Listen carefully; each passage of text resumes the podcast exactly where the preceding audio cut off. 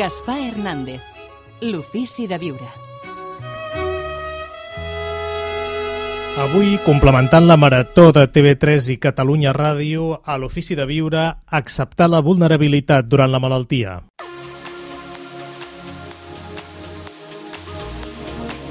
Va escriure Elisabet Kubler-Ross que no és possible créixer psíquicament quan un està assegut en un jardí on us serveixen un sopar suculent en safata de plata, sinó que creixem quan estem malalts o quan cal afrontar una pèrdua dolorosa. Això va dir Elisabet Kubler-Ross, tota una mestra dels processos de dol. Un creix quan no quan amaga el cap sota l'ala, deia Kubler-Ross, sinó quan accepta el sofriment intentant entendre'l no com una maledicció o un càstig, sinó com un regal fet amb una finalitat determinada. Pel doctor Miquel Masgrau, que ens acompanya avui a l'Ofici de Viure, la fortalesa interior pot formar part del caràcter, però també es pot entrenar, o bé forjar-se en el perill i l'adversitat perquè les dificultats, diu el doctor Miquel Masgrau, i ara ens ho explicarà el programa, les dificultats, segons ell, enforteixen l'ànim.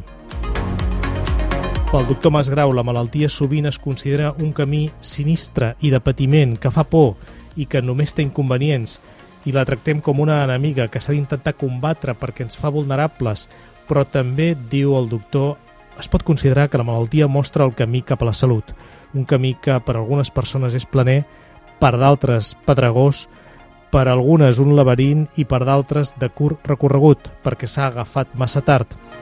El que és fonamental per al doctor Masgrau és l'actitud.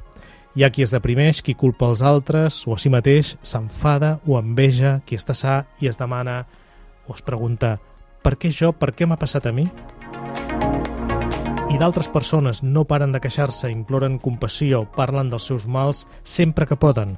I això suposa, diu el doctor Masgrau, una pèrdua d'energia i de vitalitat que es desvia del que hauria de ser l'objectiu, que és restablir la salut.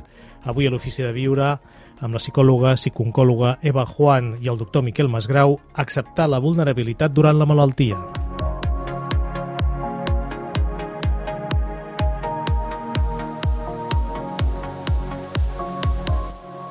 Miquel Masgrau. Les malalties estan lligades a l'estil de vida i a l'estat de la ment.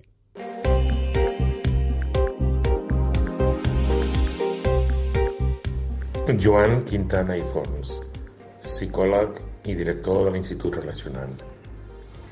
La naturalesa ens mostra, amb la seva presència, que els cicles vitals són necessaris per mantenir l'equilibri. Cada dia neixen, moren, es transformen i es regeneren multitud d'espècies. Els humans ens hem anat allunyant de la naturalesa i ens hem arribat a creure que els cicles vitals són alterables, mutables, i que nosaltres podem adaptar a les nostres necessitats i que lentament ens hem oblidat que lo fràgil, que la vulnerabilitat és intrínseca en el viure i el conviure. La vulnerabilitat et fa conscient de l'evidència de la que si hi ha alguna cert és que viure és incert i, per tant, sentir-lo vulnerable és sentir una possibilitat que està present en tot moment i et fa conscient i t'obre i així t'invita a mirar-la, a sentir-la, a comprendre-la i a respectar-la. La vulnerabilitat requereix en la malaltia una acceptació i en el fons l'acceptació de que sóc vulnerable de què som vulnerables és com una reconciliació íntima entre les nostres vulnerabilitats i les nostres fortaleses i ens obre el camí per poder declarar amb determinació el que som i el propòsit de, del nostre existir i fer. La malaltia et para, et para de cop.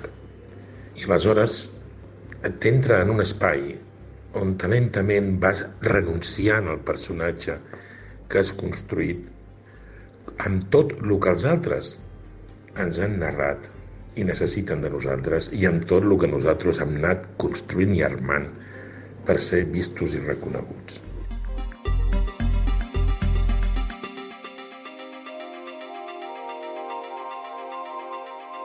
L'ofici de viure. un programa sobre conducta humana.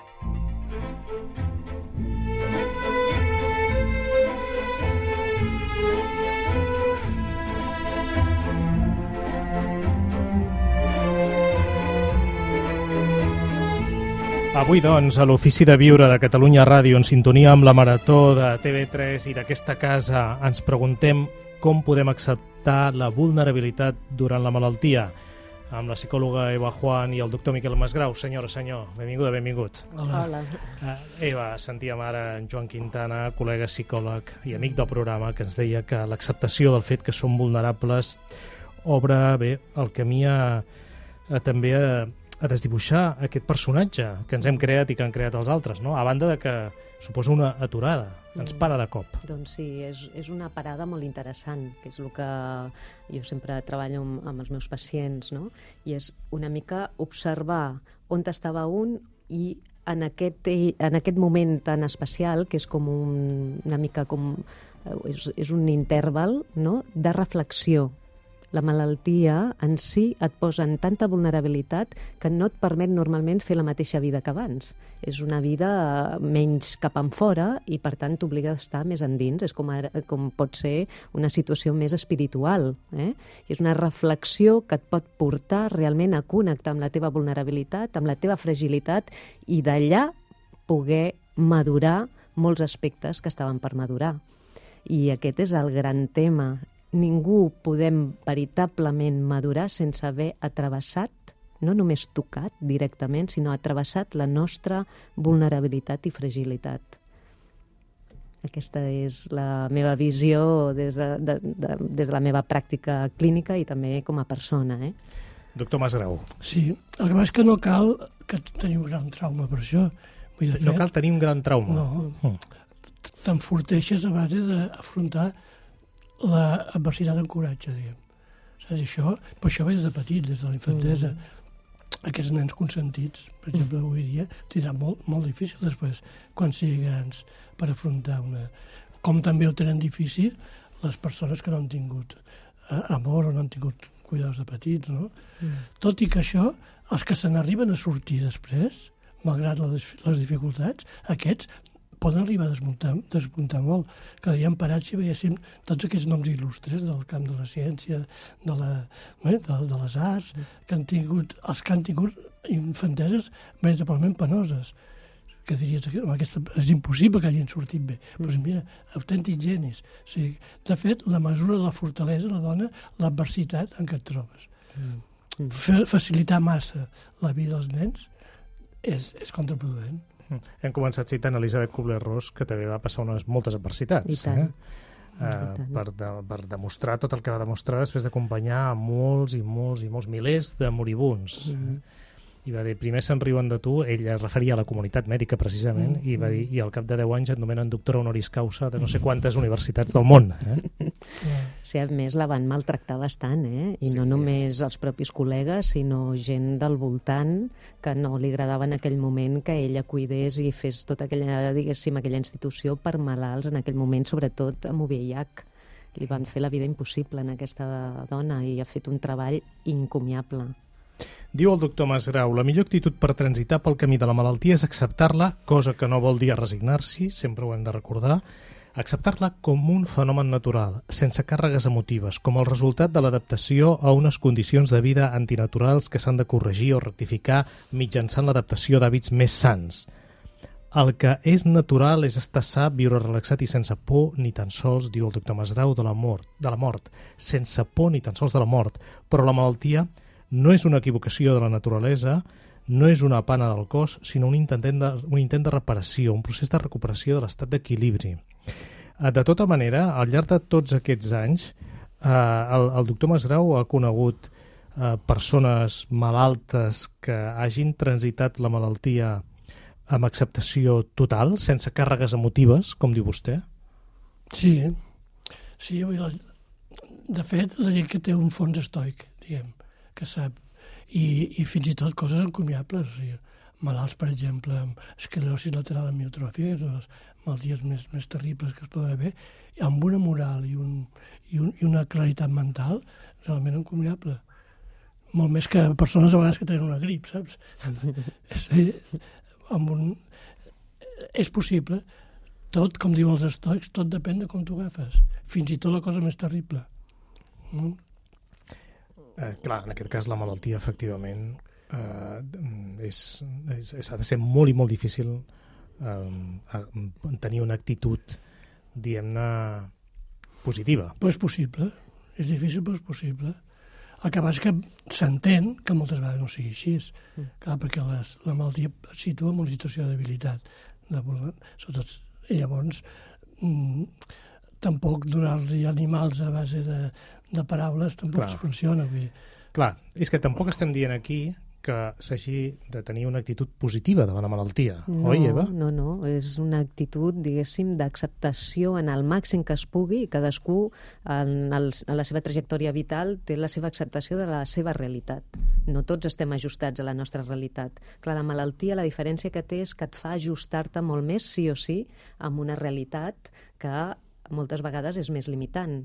Llavors, això de la positivitat jo sempre ho poso també entre cometes. No? Que, mm, positiu. Perquè si no un se sent malament Exacte, per no estar positiu. ara, mm. ara. I mm. això és molt injust. O sigui... És que el positiu i el negatiu es toquen. Exacte. O sigui, el, el negatiu és que et, et, et, desam, et, et, et treu, diguem, del teu mm. ritme, de la teva mm. cosa quotidiana. Mm. I el positiu és precisament això, mm. que et treu de la teva exacte, cosa quotidiana, exacte. que pots anar a l'essència, pots anar, mm. pots transcendir-ho. Sí, és, és ni, ni tanto ni tan calvo, com, de, com diuen, no? Sí. És, és un punt mig, que és el que costa més, normalment, i això és la acceptació que et porta a una millor adaptació al procés que sigui. En què podem parlar de malalties com d'altres situacions de canvi important a la vida.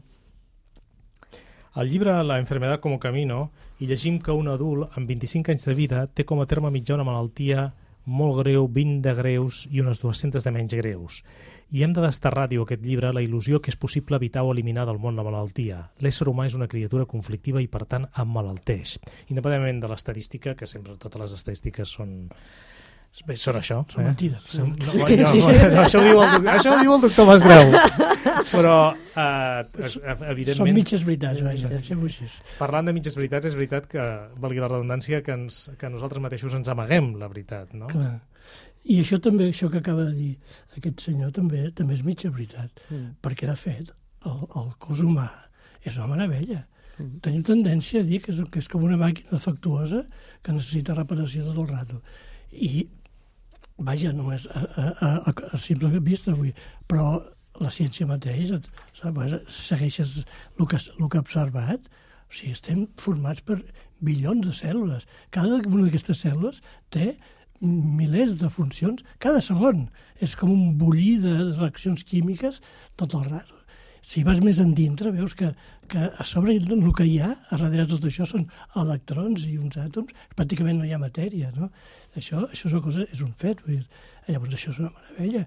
I no només això, sinó que tot aquest enginy té la facultat de reparar-se ell mateix i contínuament s'està reparant. El que passa és que li donem tant, tant, tant, tant, el que estiguem tant, diguem, que arriba moments que no pot més i llavors és quan sorgeix la malaltia. Però la malaltia no és no ho hem de veure com una cosa dolenta, com una enemic. Al contrari, és la reacció del cos per resituar-se una altra vegada en la salut. Mm. Si diguéssim que això de l'enemic, no? que lligant-ho amb el que diu el Miquel, és, és la visió que tenim no? en aquest món, que també és molt dual, no? és l'amic i l'enemic. No?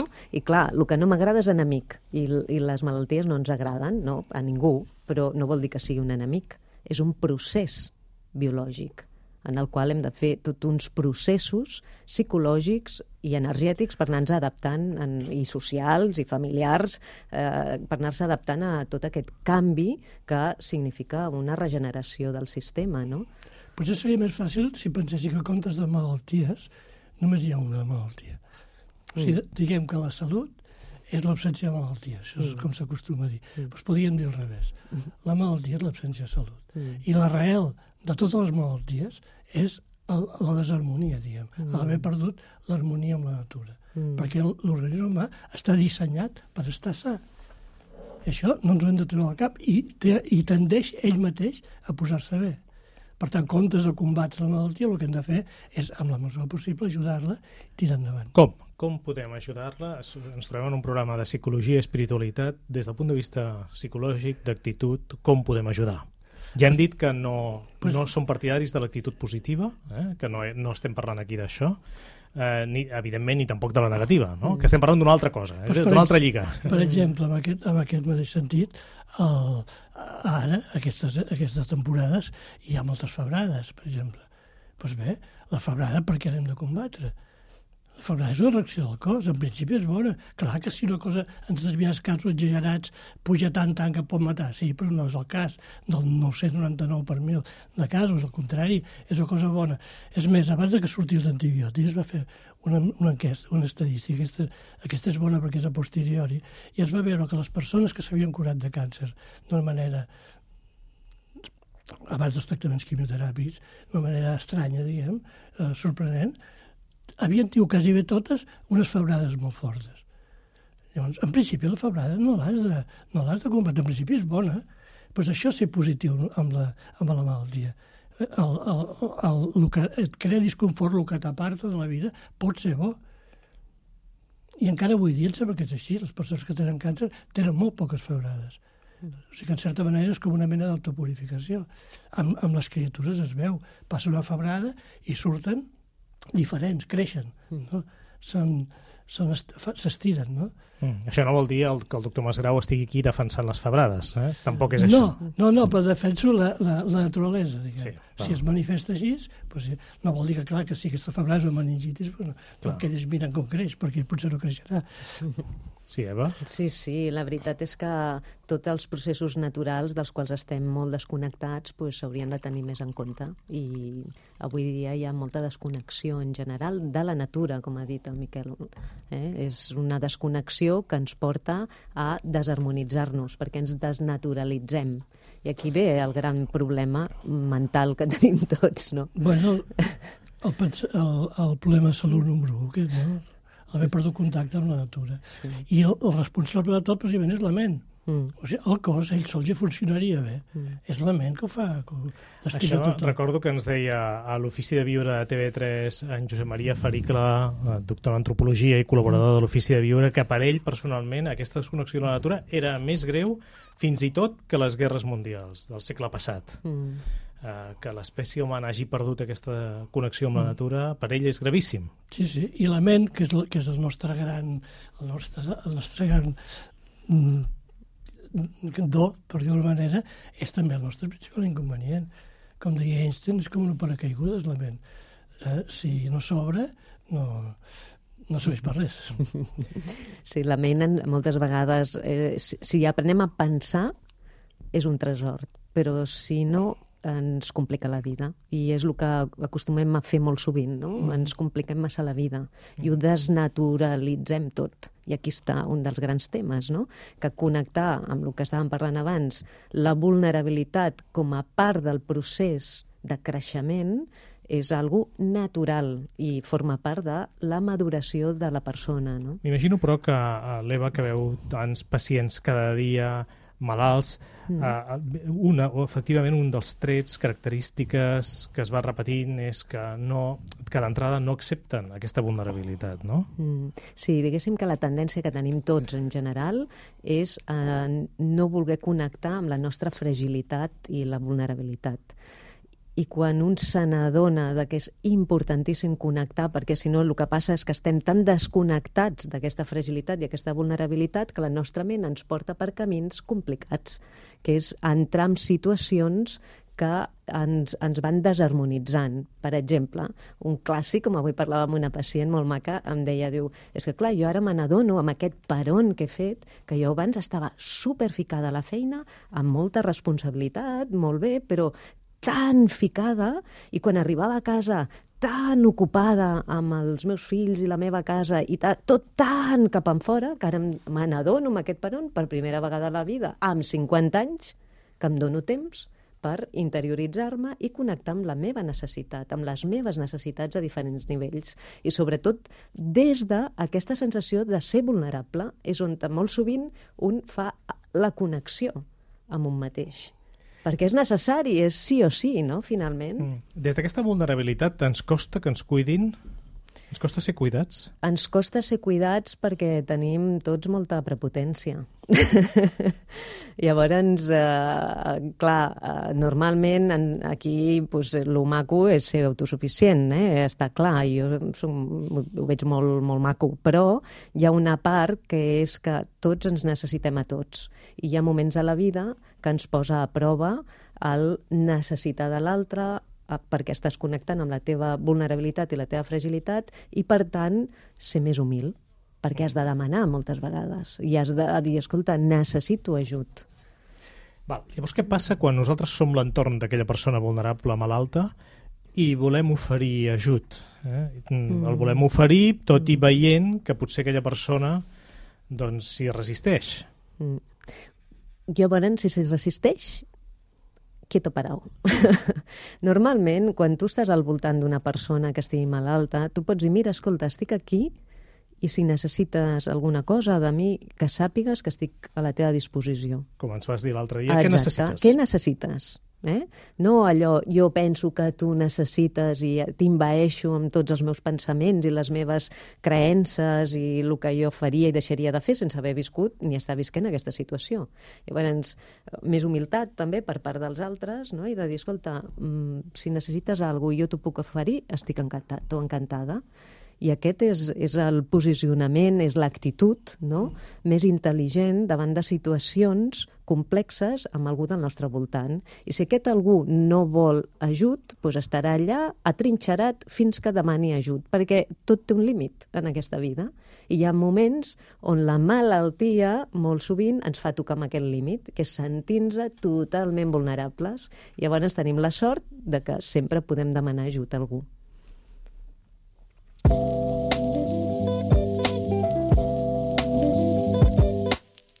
Angi Carmelo. Quan reconeixem la malaltia, comença un temps de fortalesa i renovació. Avui a l'Ofici de Viure de Catalunya Ràdio, en sintonia amb la Marató de TV3 i de Catalunya Ràdio, la vulnerabilitat durant la malaltia, acceptar la vulnerabilitat durant la malaltia, la o la fragilitat, com s'ha dit aquí, a Eva Juan i el doctor Miquel Masgrau, que diu que, doctor Masgrau, un bon ànim diu vostè, és fonamental. Tan important com procurar la millor evolució del mal és tenir cura que les relacions personals, tant a casa com a la feina i els amics, siguin satisfactòries, perquè al capdavall, diu vostè, és la bona vida la que farà més suportable la malaltia i el que ens ajudarà a superar-la. Tots els símptomes milloren quan es poden relativitzar. Aquesta és una frase com per emmarcar. Mm. Tots els símptomes milloren quan es poden relativitzar. Mm. I això ho diu convençudíssim, el doctor Masgrau. Bueno, per experiència, clar, és que és així. Relativitzar què vol dir? Bueno, posar-se al seu context. És a dir, quan no estàs ficat dins del síndrome, quan aconsegueixes crear una distància. Bueno, com, com veus que tu ets més que la malaltia. Exacte. Mm. Això és el fonamental. Les desgràcies no, no venen mai soles, només. Mm. Es diu això. I una mica, quan tens una adversitat, és una mica com quan hi ha un tsunami, però un tsunami dels de veritat, eh? Mm. que llavors la manera de, de, de sortir-ne és pujar a un lloc elevat. Pues en aquest cas exactament igual. Per això, abans, no se li deia resiliència, aquest, aquest nom modern que no m'agrada, que, que és agafat de la mecànica, sinó se li deia fortalesa. I realment les fortaleses estaven en un local ben protegides, un lloc, i llavors, si arribes allà, no allà no pot, no pot afectar res tens el teu, el, tens el teu lloc de pau. Bé, de fet, l'existència humana ens movem amb dos tons, batega, diguem, entre el to simpàtic i parasimpàtic. Uh, la societat moderna ens obliga molt a anar amb el to simpàtic, mm. que és una gran part del nostre mal, que és, de fet és l'estrès, no? Mm. I per curar-se només et pots curar si entres amb el to parasimpàtic, que vol dir precisament retirar-te en un lloc allunyat i deixar que el, que el cos vagi, vagi fent, mm. perquè el, el, aquest procés de reparació és quan estàs en tot parasimpàtic. Val, i en un cas així, què fem de la por, Eva? Mm. Què fem de la por a partir del diagnòstic? Què en fem de la por dels pronòstics? Mm -hmm. Què en fem de la por d'estadístiques? Després molta gent comença a buscar per internet, Ai, que això sí. també és, sí, és, eh, sí, és una pràctica que no, a mm. poc a poc potser sí, ens aniria bé Jo, jo amb les persones que puc accedir amb elles no, a l'hospital sempre els dic, si pots, no miris a internet Clar. eh, i, i parla amb el teu metge. Clar. Parla amb el teu metge sobre el teu cas en concret. I, i, i emmarca bé no, la situació amb, la, amb el que tu t'està passant. Ah, perquè segons què veus a internet t'entra la por. Home, i tant, no és que pot ser tan aclaparador. Jo he vist persones que no, estan traumades pel diagnòstic, però sobretot estan politraumades per tot el que han vist en internet i que, a més a més, quan t'ho expliquen, molt sovint té molt poc a veure o gens a veure amb la seva veritable situació, no? I, clar, quan estem parlant, moltes vegades jo faig una funció d'aclarir la seva situació. Estic una estona aclarint la seva situació. I llavors és com que, fum, es situa la persona amb la seva realitat i comencem a elaborar preguntes concretes sobre la seva situació. Perquè, de fet, Pel seu metge, eh? de fet, no hi ha malalties, hi ha malalts. Ara. La malaltia, hi ha vegades diuen aquesta malaltia és incurable, és veritat. La malaltia és incurable, però el malalt no, saps? És que és això. és que es busca, és com, el, com la, la confecció a mida o, a, o, o com li diu el pret-a-porter, no? Mm. Que si tu vols fer una cosa que a tots els malalts d'allò els hi vagi bé, mm. no, i no és impossible perquè hi ha moltes circumstàncies diferents. Mm. En canvi, un per un es pot, moltes vegades arribar a curar, I tant. encara que la malaltia sigui curable. Mm. I, I casos que no tenen gens bon pronòstic, però la seva situació Clar. és molt amable en el seu entorn i veus com van, potser no es curen, però allarguen la vida tantíssim i amb bona qualitat que val molt la pena, m'explico? No, no, i es cura. No? Exacte, i altres es curen sota, contra pronòstic. curat moltes malalties incurables, eh? Ah, sí? Sí. El doctor Masgrau? No, efectivament, vostè si alguna cosa no fa mai és eh, penjar-se medalles. Vull dir No. que està bé, està bé que ho digui. No, ho dic perquè no, no es desesperi, vull dir que no... Mm. Que, el, que una malaltia sigui incurable no vol dir que la persona No es no es pugui curar. Clar. En tot cas, segur que pot millorar molt i pot... Mm. L'únic que han d'entendre que si es diu que és incurable és que la malaltia en si és incurable. O sigui, no, es pot, no hi ha res que curi aquella malaltia, però aquella persona pot, Curar. pot sortir-se. Eh, algunes aquí no es pot, aquí això no són eh, xifres exactes, no? però algun tret, alguna característica que faci que aquesta persona es curi? Una de les fonamentals és la, el el- l'obertura social, diguem, la, la, el tenir una vida social activa, l'estar connectat al món, diguem, no? Es va fer un estudi als Estats Units amb 30.000 infermeres, infermeres a Califòrnia, i que havien amb càncer de pit. I es va veure que les que tenien, eh, al moment de diagnosticar-los el càncer, tenien una vida social molt oberta, amb, amb 10 o més amics, eh, se'n sortien més de la meitat, més del doble, diguem, que les que no. I, I és més, les que passaven la malaltia soles tenien quatre vegades més possibilitats de no sortir-se'n. Mm. Amb, amb, que és curiós això, amb moltes amistats, eh? amb, amb 10 o més relacions mm, quotidianes. A canvi, el cònjuge no, no, no, no influïa per res. Caram. Sí, és veritat. Això és veritat, eh? Perquè I, mm, pots viure una relació conjugal molt tancada i, a més a més, hi ha vegades que és pitjor la companyia, és pitjor la companyia que està sol, no? i, és exacte. I tot el contrari. Pels homes sí que és important tenir una parella. Pot ser.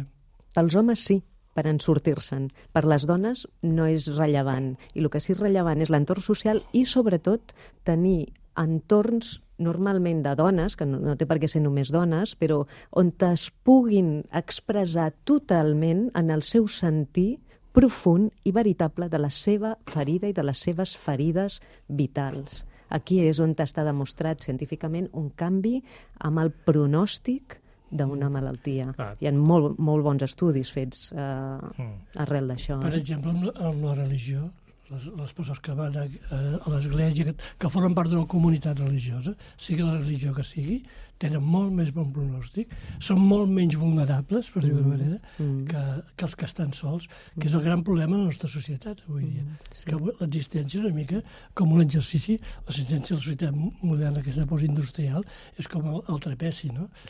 I si no hi ha una, una xarxa a fora, quan caus, te, te la-. No?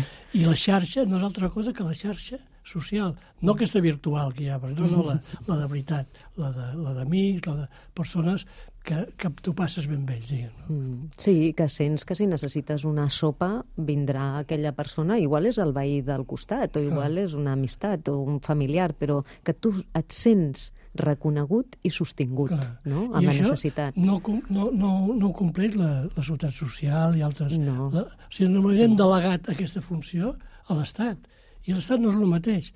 I està bé que et donin subsidi, està bé que, que, que, que, que puguin tractar, i puguin...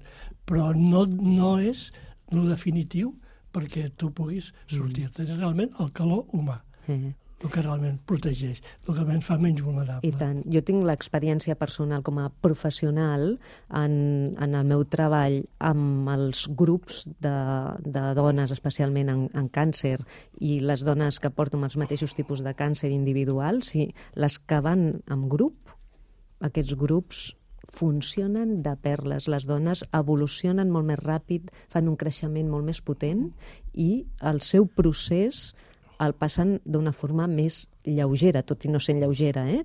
però mm, totes t'ho expliquen. Ha sigut fonamental el treball en grup perquè m'he sentit veritablement sostingut i d'una forma molt específica, mm. on realment m'he pogut expressar. En canvi, en el treball individual és més costós i és més difícil aconseguir això. Per al per... tema de la red, eh?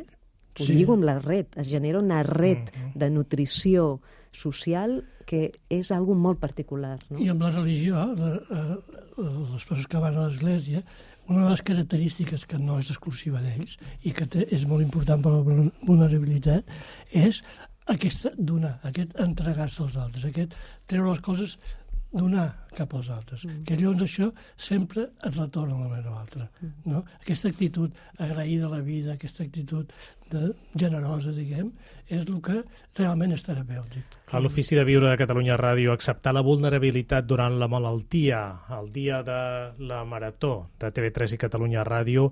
Abans Eva Juan parlava de les ferides eh, existencials, no? de les mm. ferides que tots arrosseguem, no? Mm. però fent un incís, és, eh, els homes encara ens costa més obrir-nos i parlar de les nostres ferides? Sí, de moment, sota la meva experiència, costa més. Eh, és cert que va millorant, eh? també sí. haig de dir, i amb homes menors de, per dir una franja, eh, de 50 anys, ja és més una mica més natural i més freqüent que puguin demanar assistència psicològica, no? Però dins de tot encara segueix sent la dona qui demana més atenció a diferents nivells, entre elles la psicològica, i volen fer un camí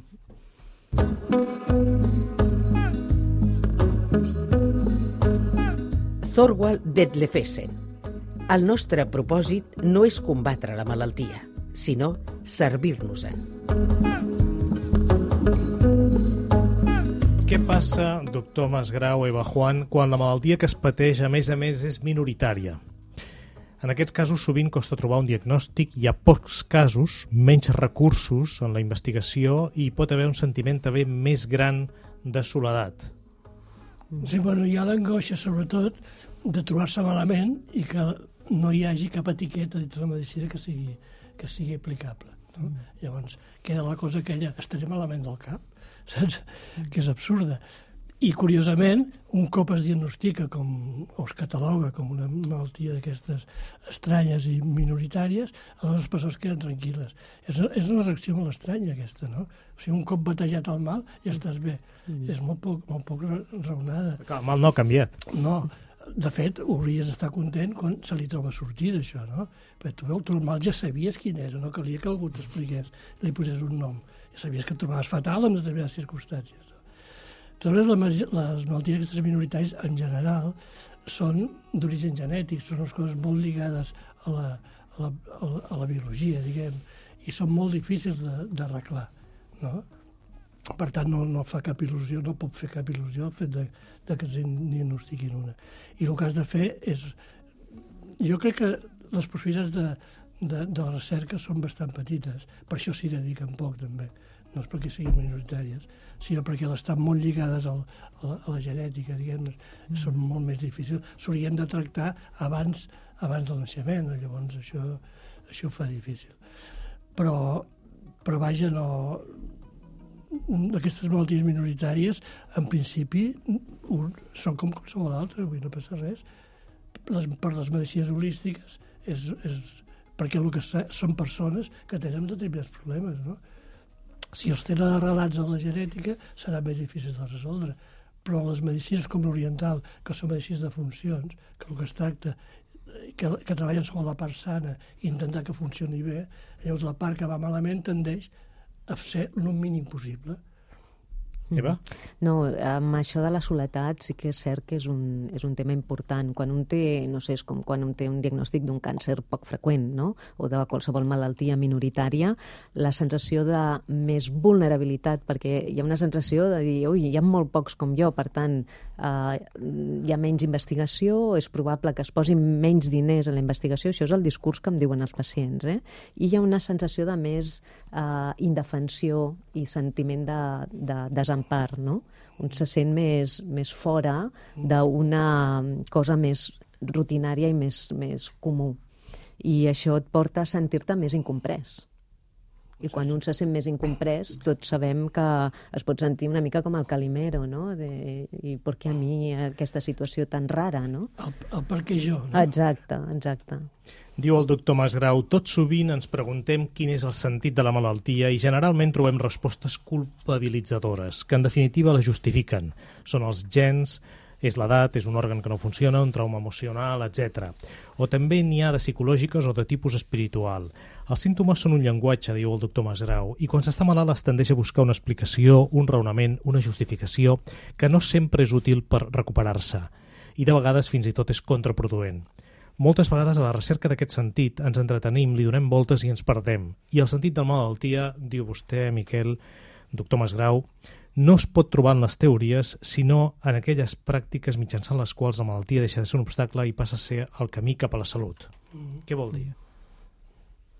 Bueno, que la malaltia en si t'indica per on has de tirar. T'indica per on has d'anar i, i cap on has d'anar.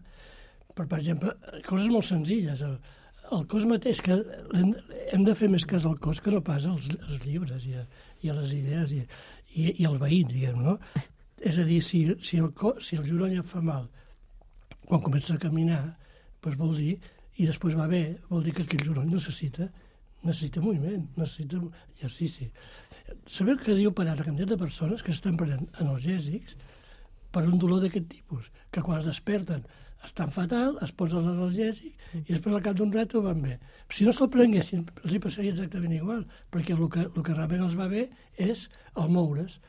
I el que han de fer és exercici el, i el que és fatal és el repòs, per exemple. I qui diu això diu que entitat de... Tota malaltia té, porta dintre seu el seu missatge, no? L'has de saber llegir.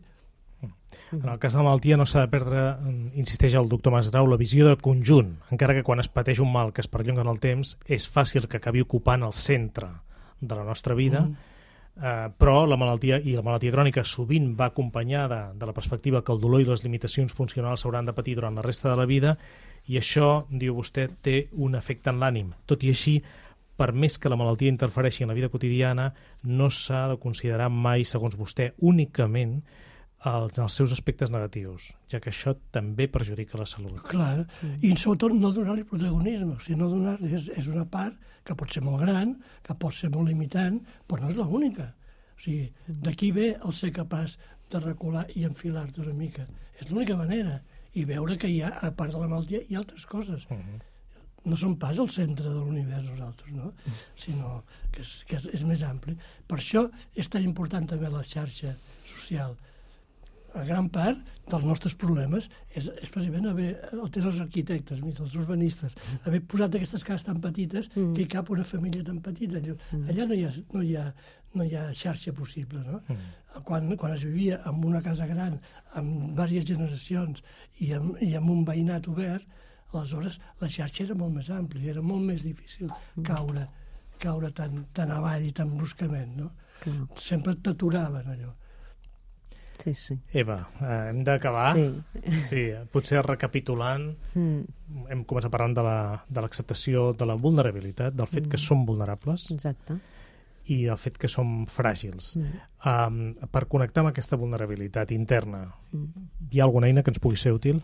Sí, per mi, bueno, hi ha moltes eines, eh? però una eina és la introspecció. no? que es pot fer a través d'una meditació profunda, si tens aquesta via, o a través d'un treball psicològic en el que entris a connectar amb tota aquesta vulnerabilitat d'una forma conscient i a partir d'aquí anar-te connectant amb totes les teves àrees de la teva vida i entendre que la fragilitat i la vulnerabilitat són el tresor de la nostra fortalesa. Encara que sembli una contradicció. Encara que sembli una contradicció. Perquè realment són necessàries, com a mínim de moment, per créixer i madurar. De fet, les persones més fortes són les més fràgils. Mm. Les que estan acostumades a patir, aquestes són, poden arribar a tenir una fortalesa increïble. I tant. Recordem, com diu en Tomàs Navarro, amic del programa Psicòleg, el seu llibre Quin Socoroi, si t'has trencat no passa res, diu ell, perquè en qualsevol moment et pots recompondre i una vegada recompost seràs més fort, en prendràs consciència i et sentiràs més segur, més segura per afrontar nous reptes. Però no n'hi ha prou de reconstruir-nos, sinó que també hem d'aprendre del que ha passat, tancar una etapa i, a la mesura del possible, envellir la nostra ferida, perquè la ferida és el punt més feble que tenim. Uh, bé, és fàcil de dir, com sempre, i mm. és més complex de fer. No, no tant, no tant. És, és, és, és la manera de sortir-se'n, diguem.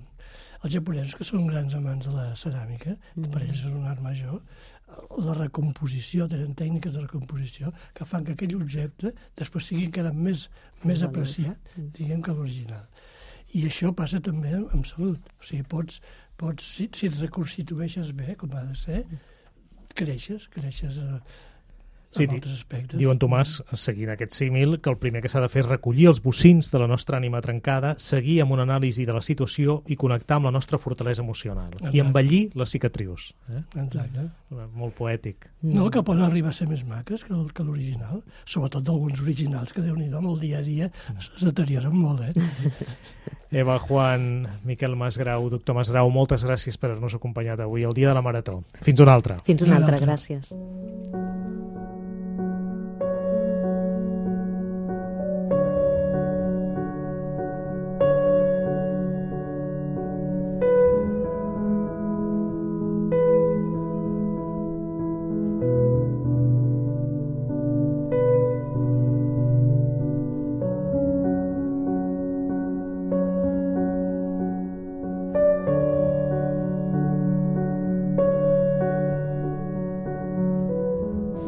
Volem parlar també de com es pot abordar l'impacte psicològic d'un esdeveniment traumàtic i fins a quin punt el patiment es pot cronificar o no en el temps. I ho volem fer a partir de la novel·la El crit, de l'escriptora guionista d'aquest programa Blanca Busquets, una novel·la que arrenca amb la Judit a la sala d'espera d'una psicòloga quan busca ajuda després de l'impacte d'haver estat circumstancialment testimoni dels atentats a la Rambla. D'ençà d'aleshores, la Judit no ha viscut. Té la sensació de ser com un fantasma que es passeja per la vida ofegada per una bola de llàgrimes que no la deixen respirar. Em costa, de vegades em costa tant. Veig nens amb sandàlies a tot arreu. La Judit fa una inspiració que intenta que sigui profunda. No se'n surt. No hi ha manera que pugui agafar aire des del fons. Només n'aconsegueix del coll. I encara, quan li permet la bola de llàgrimes, que avui almenys s'ha desfet una mica. La psicòloga sospira i li diu suaument. Tranquil·la, això és normal. Té moltes coses a dins. Però, primerament, arreglem això. Té un nom i es diu estrès posttraumàtic. L'atemptat de la Rambla de l'agost de 2017, l'empresonament dels líders independentistes i el referèndum de l'1 d'octubre són el marc d'aquesta novel·la, El Crit, en què els esdeveniments fan sentir més que mai vulnerables els seus protagonistes. Escoltem a la Blanca Busquets parlant-nos de l'argument de la novel·la té com a protagonistes sis personatges que es belluguen entre l'atemptat del 17 d'agost del 2017 a Barcelona fins al dia de Nadal. És clar, l'atemptat va ser un xoc allò, ara hi és, ara no hi és, ara hi ha una vida i ara ja no hi ha aquesta vida, i ara hi ha sang, i ara hi ha morts, i ara hi ha de tot. Eh, recordo els psicòlegs del SEM que després mm, recomanaven a la població en general que si havia vist de lluny o de prop els atemptats que, per favor, anessin a consultar un professional, perquè això s'havia de solucionar. Havia de sortir la bola de dintre que molts es pensaven i ens pensàvem que no portàvem. Aquesta bola és el que acaba convertir-nos en molt més vulnerables, molt més febles, molt més eh, sensibles, ultrasensibles, diria jo, que et freguen la pell i ja és com si t'ho fessin en paper d'estrassa. I només va faltar el que va venir després, és clar. Tota aquella tardor penséssim el que penséssim, complicadíssima i socialment molt delicada i molt dura. La Blanca ens en destaca un personatge concret de la novel·la, hi ha un dels personatges que voldria destacar, que és uh, un personatge que al començament es pensa que és molt fort i que ha aguantat bé uh, els atentats, que amb ell això no li ha fet res. I resulta que al final um, potser serà el més feble, perquè potser l'atemptat l'ha canviat i s'ha donat que hi havia alguna cosa que no anava com havia d'anar.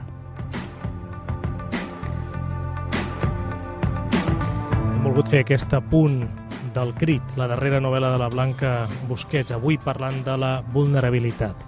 Escoltem un últim fragment. En Martí s'asseu a poc a poc amb la ment en blanc. I ara tornen els cadàvers, fins i tot amb el cervell buit. Oh, no, no, n'estic tip. Només li faltava això. Fa un temps que té cadàvers al cap. Potser des de fa un mes, des de la declaració d'independència, més o menys van aparèixer en un somni. Eren una mica com els de Walking Dead, caminaven morts, sense ulls, sense esperit.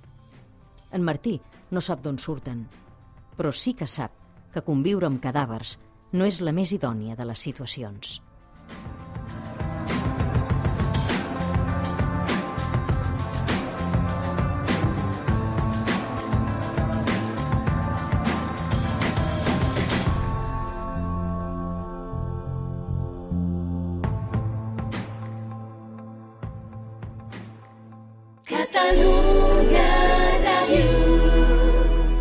I a la recta final de l'Ofici de Viure, aquest trimestre, el curs de neurocaligrafia amb el doctor Joaquim Valls. Doctor Valls, ben tornat.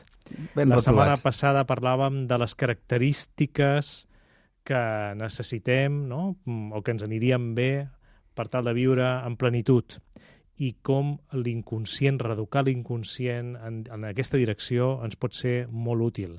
Hi ha una característica que no vam tenir temps de comentar, Exacte, que va que ser era la la perseverança. perseverança. La característica de perseverança que és molt important i que en el nostre entrenament la situem en el tercer, en el tercer moment, perquè un comença els entrenaments molt motivat, però arriba un moment que la corba de motivació decau, i és aleshores quan nosaltres treballem la perseverança. Bé, i com? Com es Sí, treballa? Bé, la- l'autoestima, la, la primera característica i l'autoconcepte es treballen amb la signatura, recordem els oients i els oients, que era signar amb nom i cognom clarament escrits. escrits. La, la segona característica, que era l'optimisme, és fer les rengleres lleugerament cap amunt, eh? escriure lleugerament cap amunt, que això ho treballem amb una pauta. La perseverança es treballa amb la lletra T. La lletra T, el pal vertical és el bull i el, la barra horitzontal és el puc. Si els equilibrem, estem equilibrant el bull amb el puc, ens acostumarem a començar i acabar tasques. Què vol dir equilibrar? Equilibrar vol dir que tinc la mateixa mida, eh? que Val. igual d'alt que d'ample. Hi ha persones que diuen jo no tinc força de voluntat perquè no acabo les coses. Bé, a vegades és que fan una, un pal vertical tan elevat, tan llarg, que es posen objectius ex- excessivament ambiciosos. Què fem? L'escurcem una mica i fem, el trossegem, eh? trossegem l'objectiu ambiciós amb, amb objectius més petitons. I comencem i acabem, comencem i acabem. La gestió emocional nosaltres la treballem amb els marges eh, uns, uns marges que s'adecuïn a, a una pauta, de manera que eh, d'aquesta manera en- ens equilibrem, equilibrem el caràcter, equi- equilibrem les emocions. La següent característica, que és l'extraversió, és obrir una miqueta la lletra A, que la lletra A s'obri una miqueta per la dreta. Això es diu que són persones obertes. I l'empatia, que és la lletra de l'escolta, la lletra de l'escolta és la E, perquè quan som petits ens dibuixen la E, ens diuen que és com una orelleta. I això de petits ho identifiquem amb l'empatia. També, per l'empatia, és bo fer les emes en forma de garlanda, és a dir, aprendre a mostrar les nostres emocions. Per la, per la paciència i per la gratitud, es treballen d'una manera molt semblant, treballem els llaços, el que es diu les ampes de la lletra H i de la lletra L. Eh? Fer un bon llaç, això ens educa la paciència i també ens educa la generositat i la gratitud. I pel tema de la iniciativa treballem amb dues lletres molt importants. Una és la F. La F, la F cal·ligràfica, que tots els oients i totes les oients tenen segur en el seu inconscient, la F que fem a cal·ligrafia, amb un bon llaç a dalt i un bon llaç a sota. El llaç a dalt ens parla de fer projectes i el llaç a sota, que es diu Jamba, ens parla de la capacitat d'implementació. I després el punt de la I, lleugerament avançat. Això ens diu que tenim iniciativa. Recordo als oients que vulguin aprofundir-hi, que tenen el curs a la seva disposició, al web de Catalunya Ràdio, catradio.cat, a l'Ofici de Viure, a la secció de Joaquim Valls, el curs de neurocaligrafia, a part del seu web i els seus llibres, on podran trobar-hi aquestes eines molt ben explicades. Moltes gràcies, doctor Valls. Moltíssimes Fins diumenge. gràcies a vosaltres. Fins diumenge.